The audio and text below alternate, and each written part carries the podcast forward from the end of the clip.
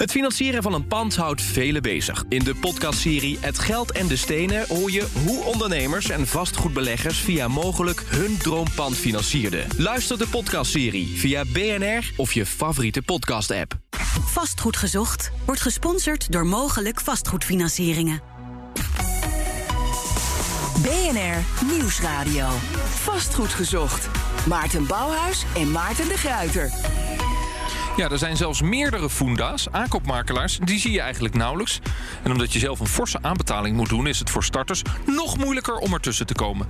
De vraag van deze week: hoe is het gesteld met de woningmarkt in Londen? Dit is vast goed gezocht, jouw wekelijkse update over de wereld van de stenen. Je hoort ons elke maandagavond op BNR. Natuurlijk altijd uh, online via je eigen podcast-app of bnr.nl. Maarten de Gruiter staat natuurlijk naast mij, projectontwikkelaar, co-host. En we moeten even beginnen met een uh, bericht wat uh, eind vorige week in het Algemeen Dagblad kwam over een groot onderzoek naar 15 miljard euro aan woningen die gekocht is in ons land door buitenlandse beleggers, voornamelijk Amerikaanse beleggers. De Groenen in het Europees Parlement schreeuwen moord en brand. Ben jij ook in paniek? Nee, ik ben, nou, ik ben wel een klein beetje uh, emotioneel, word ik er bijna van. Hè. Dus het is, het is paniek zeker niet. Um, maar um, ja, het is zo, er wordt zo geframed. Het is, ik vind het zo kwalijk wat er gebeurt. A, het is helemaal niks nieuws. Hè. Dus als we het hebben over beleggers die op de markt zitten. Um, er wordt hier eigenlijk gesuggereerd dat alle prijsstijgingen en de, hele woonproblematiek komt door. En dan klinkt het natuurlijk helemaal lekker Amerikaanse beleggers. En Blackstone, een van de grootste investeerders in Blackstone, is het uh, uh, ABP bijvoorbeeld. Um, dus dat zijn gewoon weer Nederlandse pensioenfondsen. Kijk, dat allemaal op één hoop gooien is sowieso al slecht. En er zullen best wel een paar slechtere. Um, uh, laat ik zeggen, beleggers zijn. Geen goede uh, huisvaders zijn.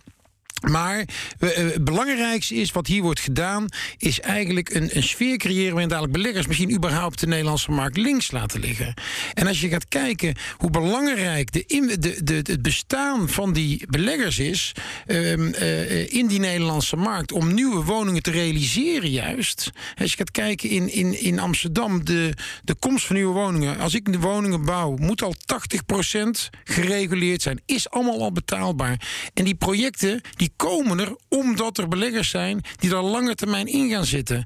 Er wordt hier gesuggereerd alsof het allemaal speculanten zijn. En dat is gewoon pertinent niet ja, juist. Je kunt ook stellen, en dat is waar het artikel ook op hint... dat die buitenlandse beleggers uh, misschien minder oog hebben... voor de problemen op de Nederlandse woningmarkt... en vooral winst willen maken, misschien zelfs korte termijn winst. Ja, maar het, wat blijkt nou? Dat de meesten allemaal er heel lang in zitten. Als je gaat kijken naar de Nederlandse beleggers... of de beleggers op de Nederlandse markt... dat zijn bijna allemaal partijen die er voor de hele lange termijn in zitten nog even, als je gaat kijken, we hebben het er al even over gehad, uh, jij en ik in ons voorgesprek, is over hoeveel woningen hebben we het nou eigenlijk?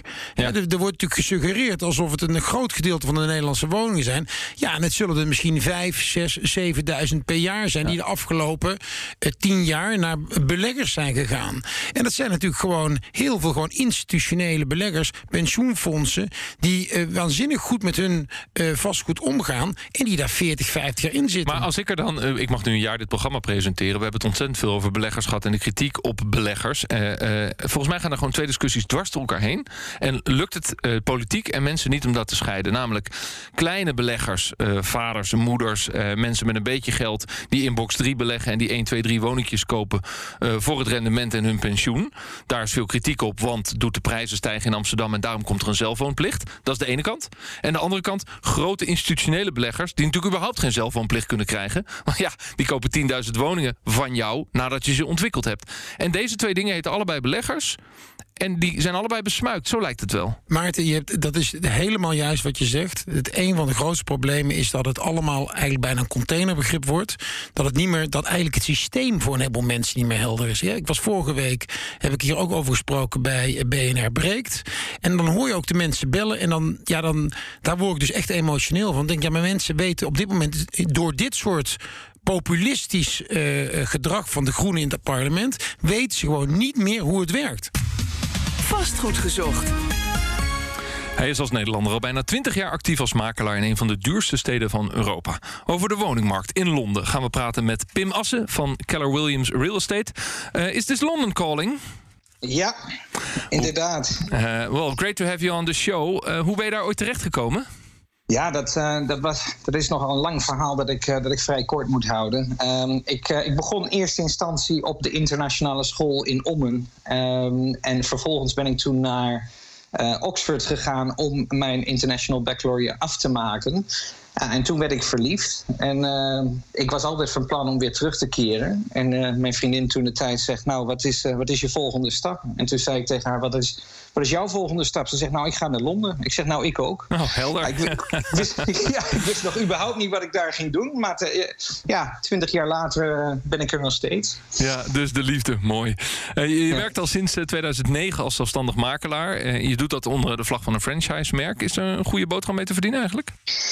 Ja, er is, het, het heeft natuurlijk hè, er is enorme concurrentie uh, in, deze markt. Maar bijvoorbeeld uh, Keller Williams, en dat ben ik eigenlijk sinds kort gaan doen. Uh, ik heb daar een franchise genomen in, in, in augustus. Ehm, nou, dat is wel een heel interessant model en concept. Want die zijn, die zijn hier acht jaar geleden gekomen. en inmiddels uitgegroeid tot de grootst groeiende franchise in de wereld.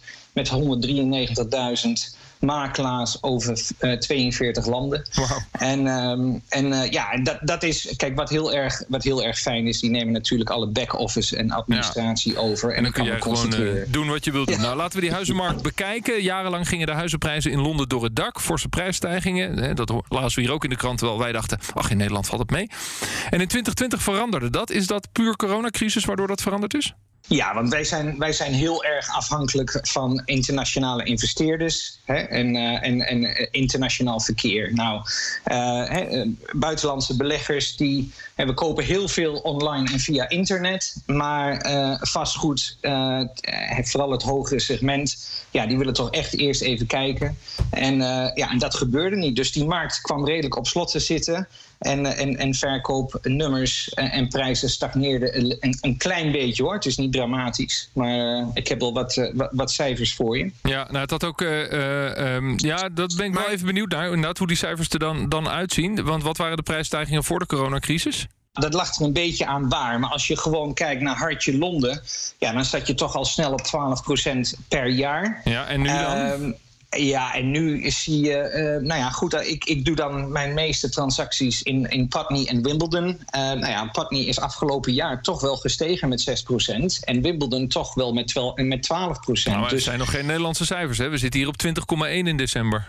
Ja, ja, jullie, ja, ja, jullie, jullie catchen aardig op, ja. Maar als makelaar is het toch eigenlijk hè, die fluctuaties in die prijzen, of het nou omhoog gaat of omlaag. Hè, dat gaat met name omdat er, dat er gehandeld wordt, dat er mensen eh, verkopen. En, eh, of dat nou om wat voor reden ook, maar dat er verkocht en gekocht wordt, toch? Dat het hoeft niet per se te stijgen. Dus als er, als er maar iets gebeurt, dus op zich zou dat voor jou toch uh, uh, goed moeten zijn. Als er maar reuring in de markt is. Ja, ja nee, precies. Dat, dat is ook zo. En, en, en, en een verkoop van vastgoed begint altijd met een, met, met een bepaalde ontevredenheid over de huidige situatie. Hè, mensen uh, gaan, ze liggen in een scheiding of uh, hè, er is een babyopkomst. Uh, dus er is, altijd, er is altijd wel wat. En, en dat, dat, dat gebeurt ook wel, maar het moet wel binnen bereik liggen. En ja, ik moet toch ook heel eerlijk zeggen, uh, de, de, Engelsman, ja, die kan eigenlijk niet een gemiddelde huizenprijs van, van zeg maar 8,5 ton veroorloven. Uh, dat zijn toch met name buitenlanders. En uh, ja, daar zijn we toch afhankelijk van. Dus dat betekent dat de Londense markt, en niet alleen City Londen, maar ook eh, ja, die andere wijken, toch gedomineerd worden door een, een dynamiek van buitenlandse kopers? Ja, maar dat, dat wordt steeds sterker. Dus hè, als je dus kijkt naar Londen, heeft per jaar uh, 94.000 woningen nodig. Uh, en er wordt op dit moment uh, gemiddeld 37.000 woningen gebouwd. Dus er is gewoon een tekort van, van 57.000 woningen. Nou, dan zie je toch een bepaalde exodus. Eh, Londen wordt steeds groter, dus mensen trekken naar de rand van Londen en uiteindelijk buiten Londen. En daar zie je ook echt een, een, een enorme prijsstijging daar. Oké, okay, maar bekend. Uh, als je, dat klinkt bekend, ja, precies. Uh, maar als je dan naar de dynamiek van die gewone Engelsman uh, kijkt, de, zijn de problemen dan dus hetzelfde als bijvoorbeeld Amsterdam? Veel vraag, weinig aanbod, gewone man en vrouw, kleine beurs, komt er dus niet meer tussen. en, en, en trekt dus weg en starters komen er helemaal niet tussen. Dat is dus de samenvatting. Dat is een samenvatting, maar goed, je, je moet, ook, uh, je moet ook beseffen dat um, gemiddelde deposit hè, of aanbetaling is 88.000 pond.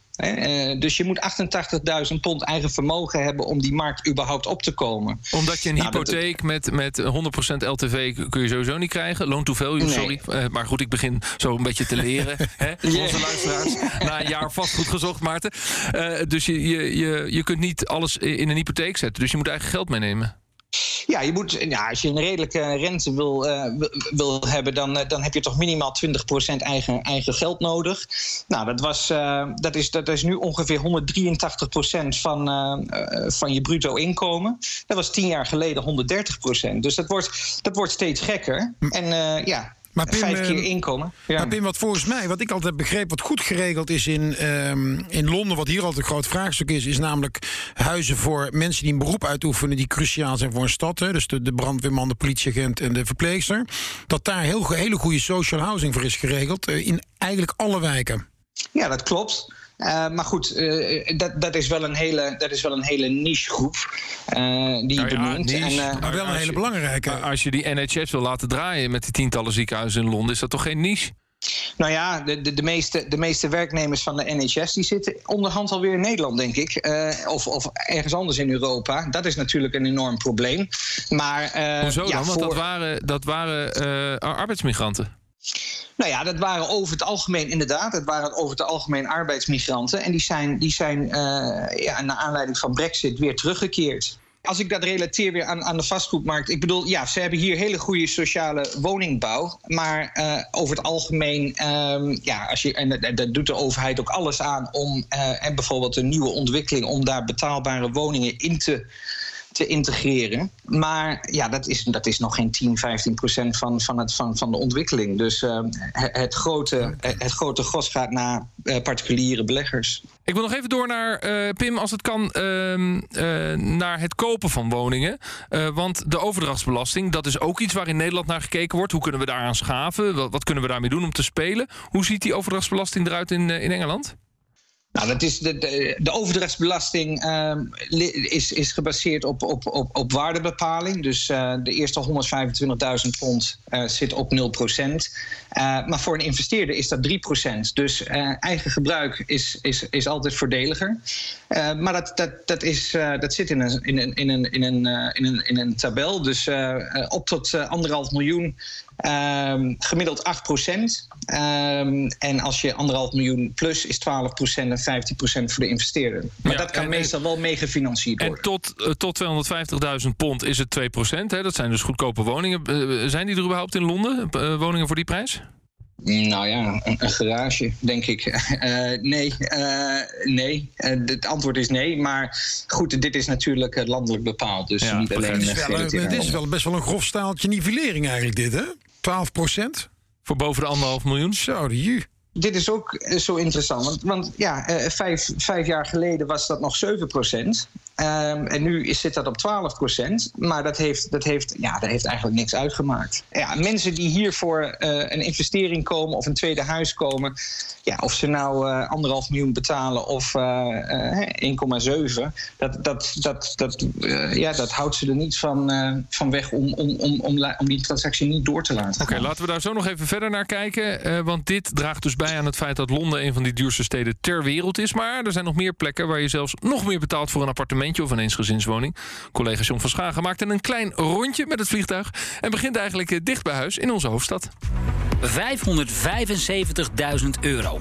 Zoveel kost een gemiddeld appartement in Amsterdam tegenwoordig. Liever een eensgezinswoning? Dat kan en reken dan op een bedrag van rond de 850.000 euro. De gemiddelde vierkante meterprijs in onze hoofdstad is ruim 7 ruggen. Nou, binnen de ring mag je daar zelfs nog eentje bij optellen. En ja, dit zijn gigantische bedragen natuurlijk. Maar in vergelijking met andere bekende steden in de wereld ben je in onze hoofdstad nog redelijk goed af. Ga maar even na. Parijs, ruim 9000 euro per vierkante meter. Zurich, 12.000 euro. Singapore, net iets meer, 14.000 euro. En wat te denken van een plek als Hongkong. Gemiddeld betaal je daar per vierkante meter, let op, 25.000 euro. Oké, de mensen daar verdienen dan weliswaar gemiddeld iets meer dan in Amsterdam, maar bij lange na nog niet genoeg om dat enorme verschil goed te maken. Nog een uitsmijtertje dan. Wonen in de Big Apple, New York dus. Het is de duurste stad van de Verenigde Staten met een gemiddelde vierkante meterprijs van omgerekend 17.000 euro. En wil je wonen met uitzicht op Central Park? Ruim 60.000 euro per vierkante meter maar liefst. Ja, en dat zijn prijzen waar zelfs mijn collega Matere Gruiter een beetje tureluurs van wordt. Dankjewel, John. 60.000 euro de vierkante meter, Maarten. ja. daar ga je niet voor wonen, toch? Of heb jij een pied in New York? Nee. Nee. nee. Uitkijkend over Central Park. Ja, ja heerlijk. Ja. Uh, ik praat verder met uh, Pim Assa. Hij werkt als uh, makelaar in Londen. Um, ja, er wordt vaak gezegd dat die Russische oligarchen en sheiks uit het Midden-Oosten dus de boel opkopen. Je zei al, er zijn inderdaad heel veel buitenlandse kopers en dat heeft invloed op die prijs. Maar klopt dan het beeld van die oligarchen? Nou ja, dat is wel grappig. Iedereen zegt altijd, ja, die, die rijke Arabieren en die rijke Rus, die kopen alles op. Um, nou, als je dan kijkt naar de, de top 10 uh, eh, investeerders binnen, uh, binnen Londen, uh, daar komen ze daar niet in voor. En, ehm, en ehm, ja, als je kijkt naar de, de nummer 1 is, is Frankrijk. En wie had dat gedacht? 11 procent uh, van de vastgoedtransacties um, in 2020 waar, kwamen uit Frankrijk. En um, Hongkong en VS en China uh, maakt die top 4. Maar daar zit geen Rusland of daar zit ook geen Saudi tussen. Hier in Nederland eh, probeert de regering van alles om die woningmarkt vlot te trekken. Hoe pakken ze dat eigenlijk in Engeland aan? Nou ja, in Engeland heb je allerlei uh, help to buy schemes. He, er is een website uh, own your, uh, ownyourhome.gov.uk. Nou, daar zitten allerlei uh, uh, zeg maar gesubsidieerde ehm, schema's tussen waar ehm, vooral de graduate gebruik van kan maken. Hè? Dus dan moet je denken aan een soort van shared ownership of een right to buy. Waar je geen eigen geld nodig hebt en wat eigenlijk dan gesubsidieerd wordt en waar je dan geleidelijk uh, eigenaar wordt van het object. Juist, eh, dat is een manier om dus eh, starters op de woningmarkt te helpen, zodat ze niet direct in één keer eigenaar hoeven te worden. Uh, is dat dan een project wat, ze, wat, wat zich echt richt op wonen in Londen? meer dan, laten we zeggen, ehm, ja, heel breed Engeland? Ja, dat is over het algemeen. Er zijn op dit moment 313.000 uh, particulieren die daar gebruik van maken. En uh, daar is inderdaad, uh, zeg maar 90% is dat, is dat in Londen. Maar komt het, komt het eigenlijk dus in, in Londen ook door dat er te weinig gebouwd wordt? Want je zei toen straks, hè, maar ik geloof maar een derde ongeveer van wat ze moeten bouwen, bouwen ze. geldt dan in Londen eigenlijk ook bouwen, bouwen, bouwen? Ja, in Londen wordt er heel veel gebouwd, maar wat voornamelijk heel erg uh, in trend is, is, is build to rent. Hè? Dus, uh, nou ja, dus er wordt heel veel gebouwd, dus in principe zijn het gewoon uh, projecten waar allerlei appartementen ingezet worden die nooit op de vrije markt komen. Dus die echt met duurzame materialen die op de, op de huurmarkt komen. En het is echt een soort van, uh, ja, een soort van lifestyle product. Hè? Dus daar zit ook van alles in, zoals sportscholen en dansstudio's, et cetera. Maar lost dat het probleem gedeeltelijk op of niet? Nou ja, het probleem is gewoon een tekort. Er is in principe geen tekort aan woningen. Het is gewoon dat iedereen op dezelfde plek wil zitten. En, uh, en het probleem ligt gewoon dat er meer gebouwd moet worden. Maar we zitten op een eiland. Dus we hebben, we hebben, we hebben geen grond. Ja, maar het betekent dus dat als ehm, iedereen in Londen wil wonen... iedereen wil op dezelfde plek wonen... dat al zou je er 200, 300.000 woningen bij bouwen het blijft zo dat iedereen daar wil wonen. Dus die marktwerking doet gewoon zijn werk en dus zijn de prijzen hoog. Die appartementen die verhuurd worden, hè, wat je zei, build to rent. Uh, wat voor prijzen gaat het dan over? Want hier in Amsterdam hebben ze nu dus afgesproken dat als Maarten de Gruiter een project ontwikkelt, dat die 80% uh, moet die betaalbaar uh, bouwen. Hij mag maar 20% in, in, de, in de top van het segment bouwen. hebben ze daar in Londen ook afspraken over gemaakt? Ja, dat is ongeveer gelijk hier. Uh, maar uh, ja, uh, voornamelijk de, de, de, grote, de grote internationale beleggers en investeerders die, ja, die, die, die, die nemen deel aan, aan dit soort bouwprojecten.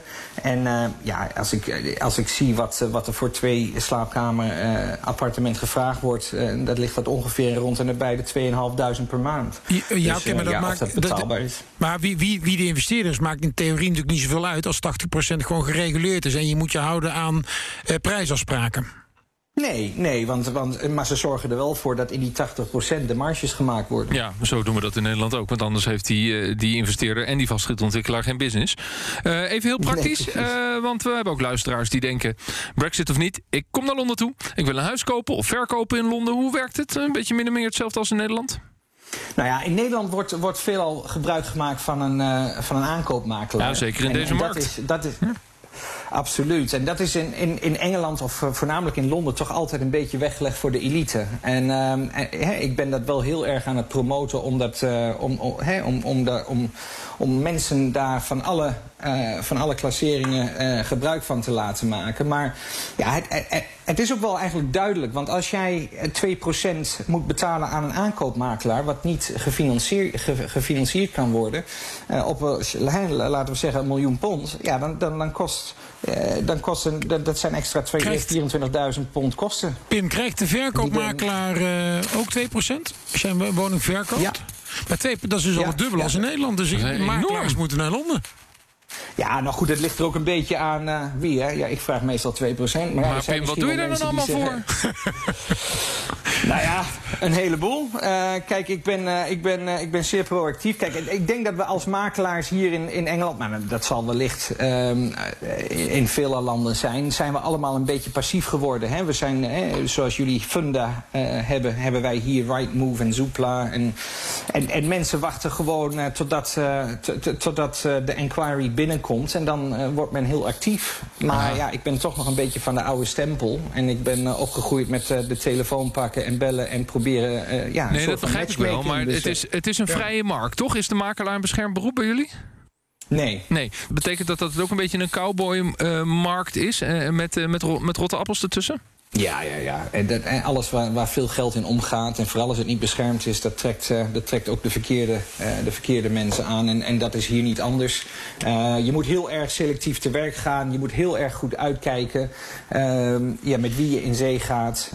en ja, je, je, er is wel heel veel beschikbaar hè, ja. vandaag de dag op LinkedIn. Oké, okay, want in Nederland wordt er gewerkt aan een soort bidboek voor biedingen... om het proces ook transparanter te maken. zodat er niet onder één hoedje gespeeld kan worden. speelt dat in Londen ook? Nou ja, het grote probleem is natuurlijk, hè, we noemen dat conflict of interest, dat, dat de verkopende makelaar in principe beide partijen adviseert. Nou ja, dat, dat is natuurlijk een beetje vreemd. Dus, en wat er dan gaat gebeuren, is dat kopers natuurlijk. Uh, he, opportunistisch zijn. En die houden dan uh, een worst voor he, aan, de, aan, aan de makelaar. En die zegt van ik wil graag dat appartement in, in, in, in eigendom hebben. Ja. Nou, en als, als, ja, en daar zullen, een aantal, daar zullen een aantal personen voor vallen. En ja, en dan heb je geen. ja, dat is geen eerlijke marktwerking dan. Nee, die uitdagingen zijn er dus ook in Engeland. We hebben veel geleerd over de huizenmarkt in Londen. Pim Assen van Keller Williams Real Estate. Dankjewel, heel veel succes daar met de liefde en natuurlijk het vak. Uh, Maart, heb je eigenlijk vastgoed uh, over de grens? Uh, ik heb een, een heerlijk huis in Ierland. Oh, wauw. Ja. Tot zijn, rust te komen. zijn andere prijzen dan in Londen? Hele andere prijzen. Daar koop je inderdaad nog geen garage voor, wat uh, Wim oh, zei. Uh, als we vijf jaar vastgoed gezocht doen, doen we een uitzending vanaf jouw ja. huis in Ierland. Dat is een mooi, mooi plan. Dankjewel, Maarten de Gruiter. Volgende week zijn we er uiteraard weer. Uh, bedankt voor het luisteren naar deze uitzending. Alle afleveringen zijn natuurlijk te vinden in de BNR-app en alle bekende podcastkanalen. tot volgende week. Dag. Vastgoed gezocht wordt gesponsord door mogelijk vastgoedfinancieringen.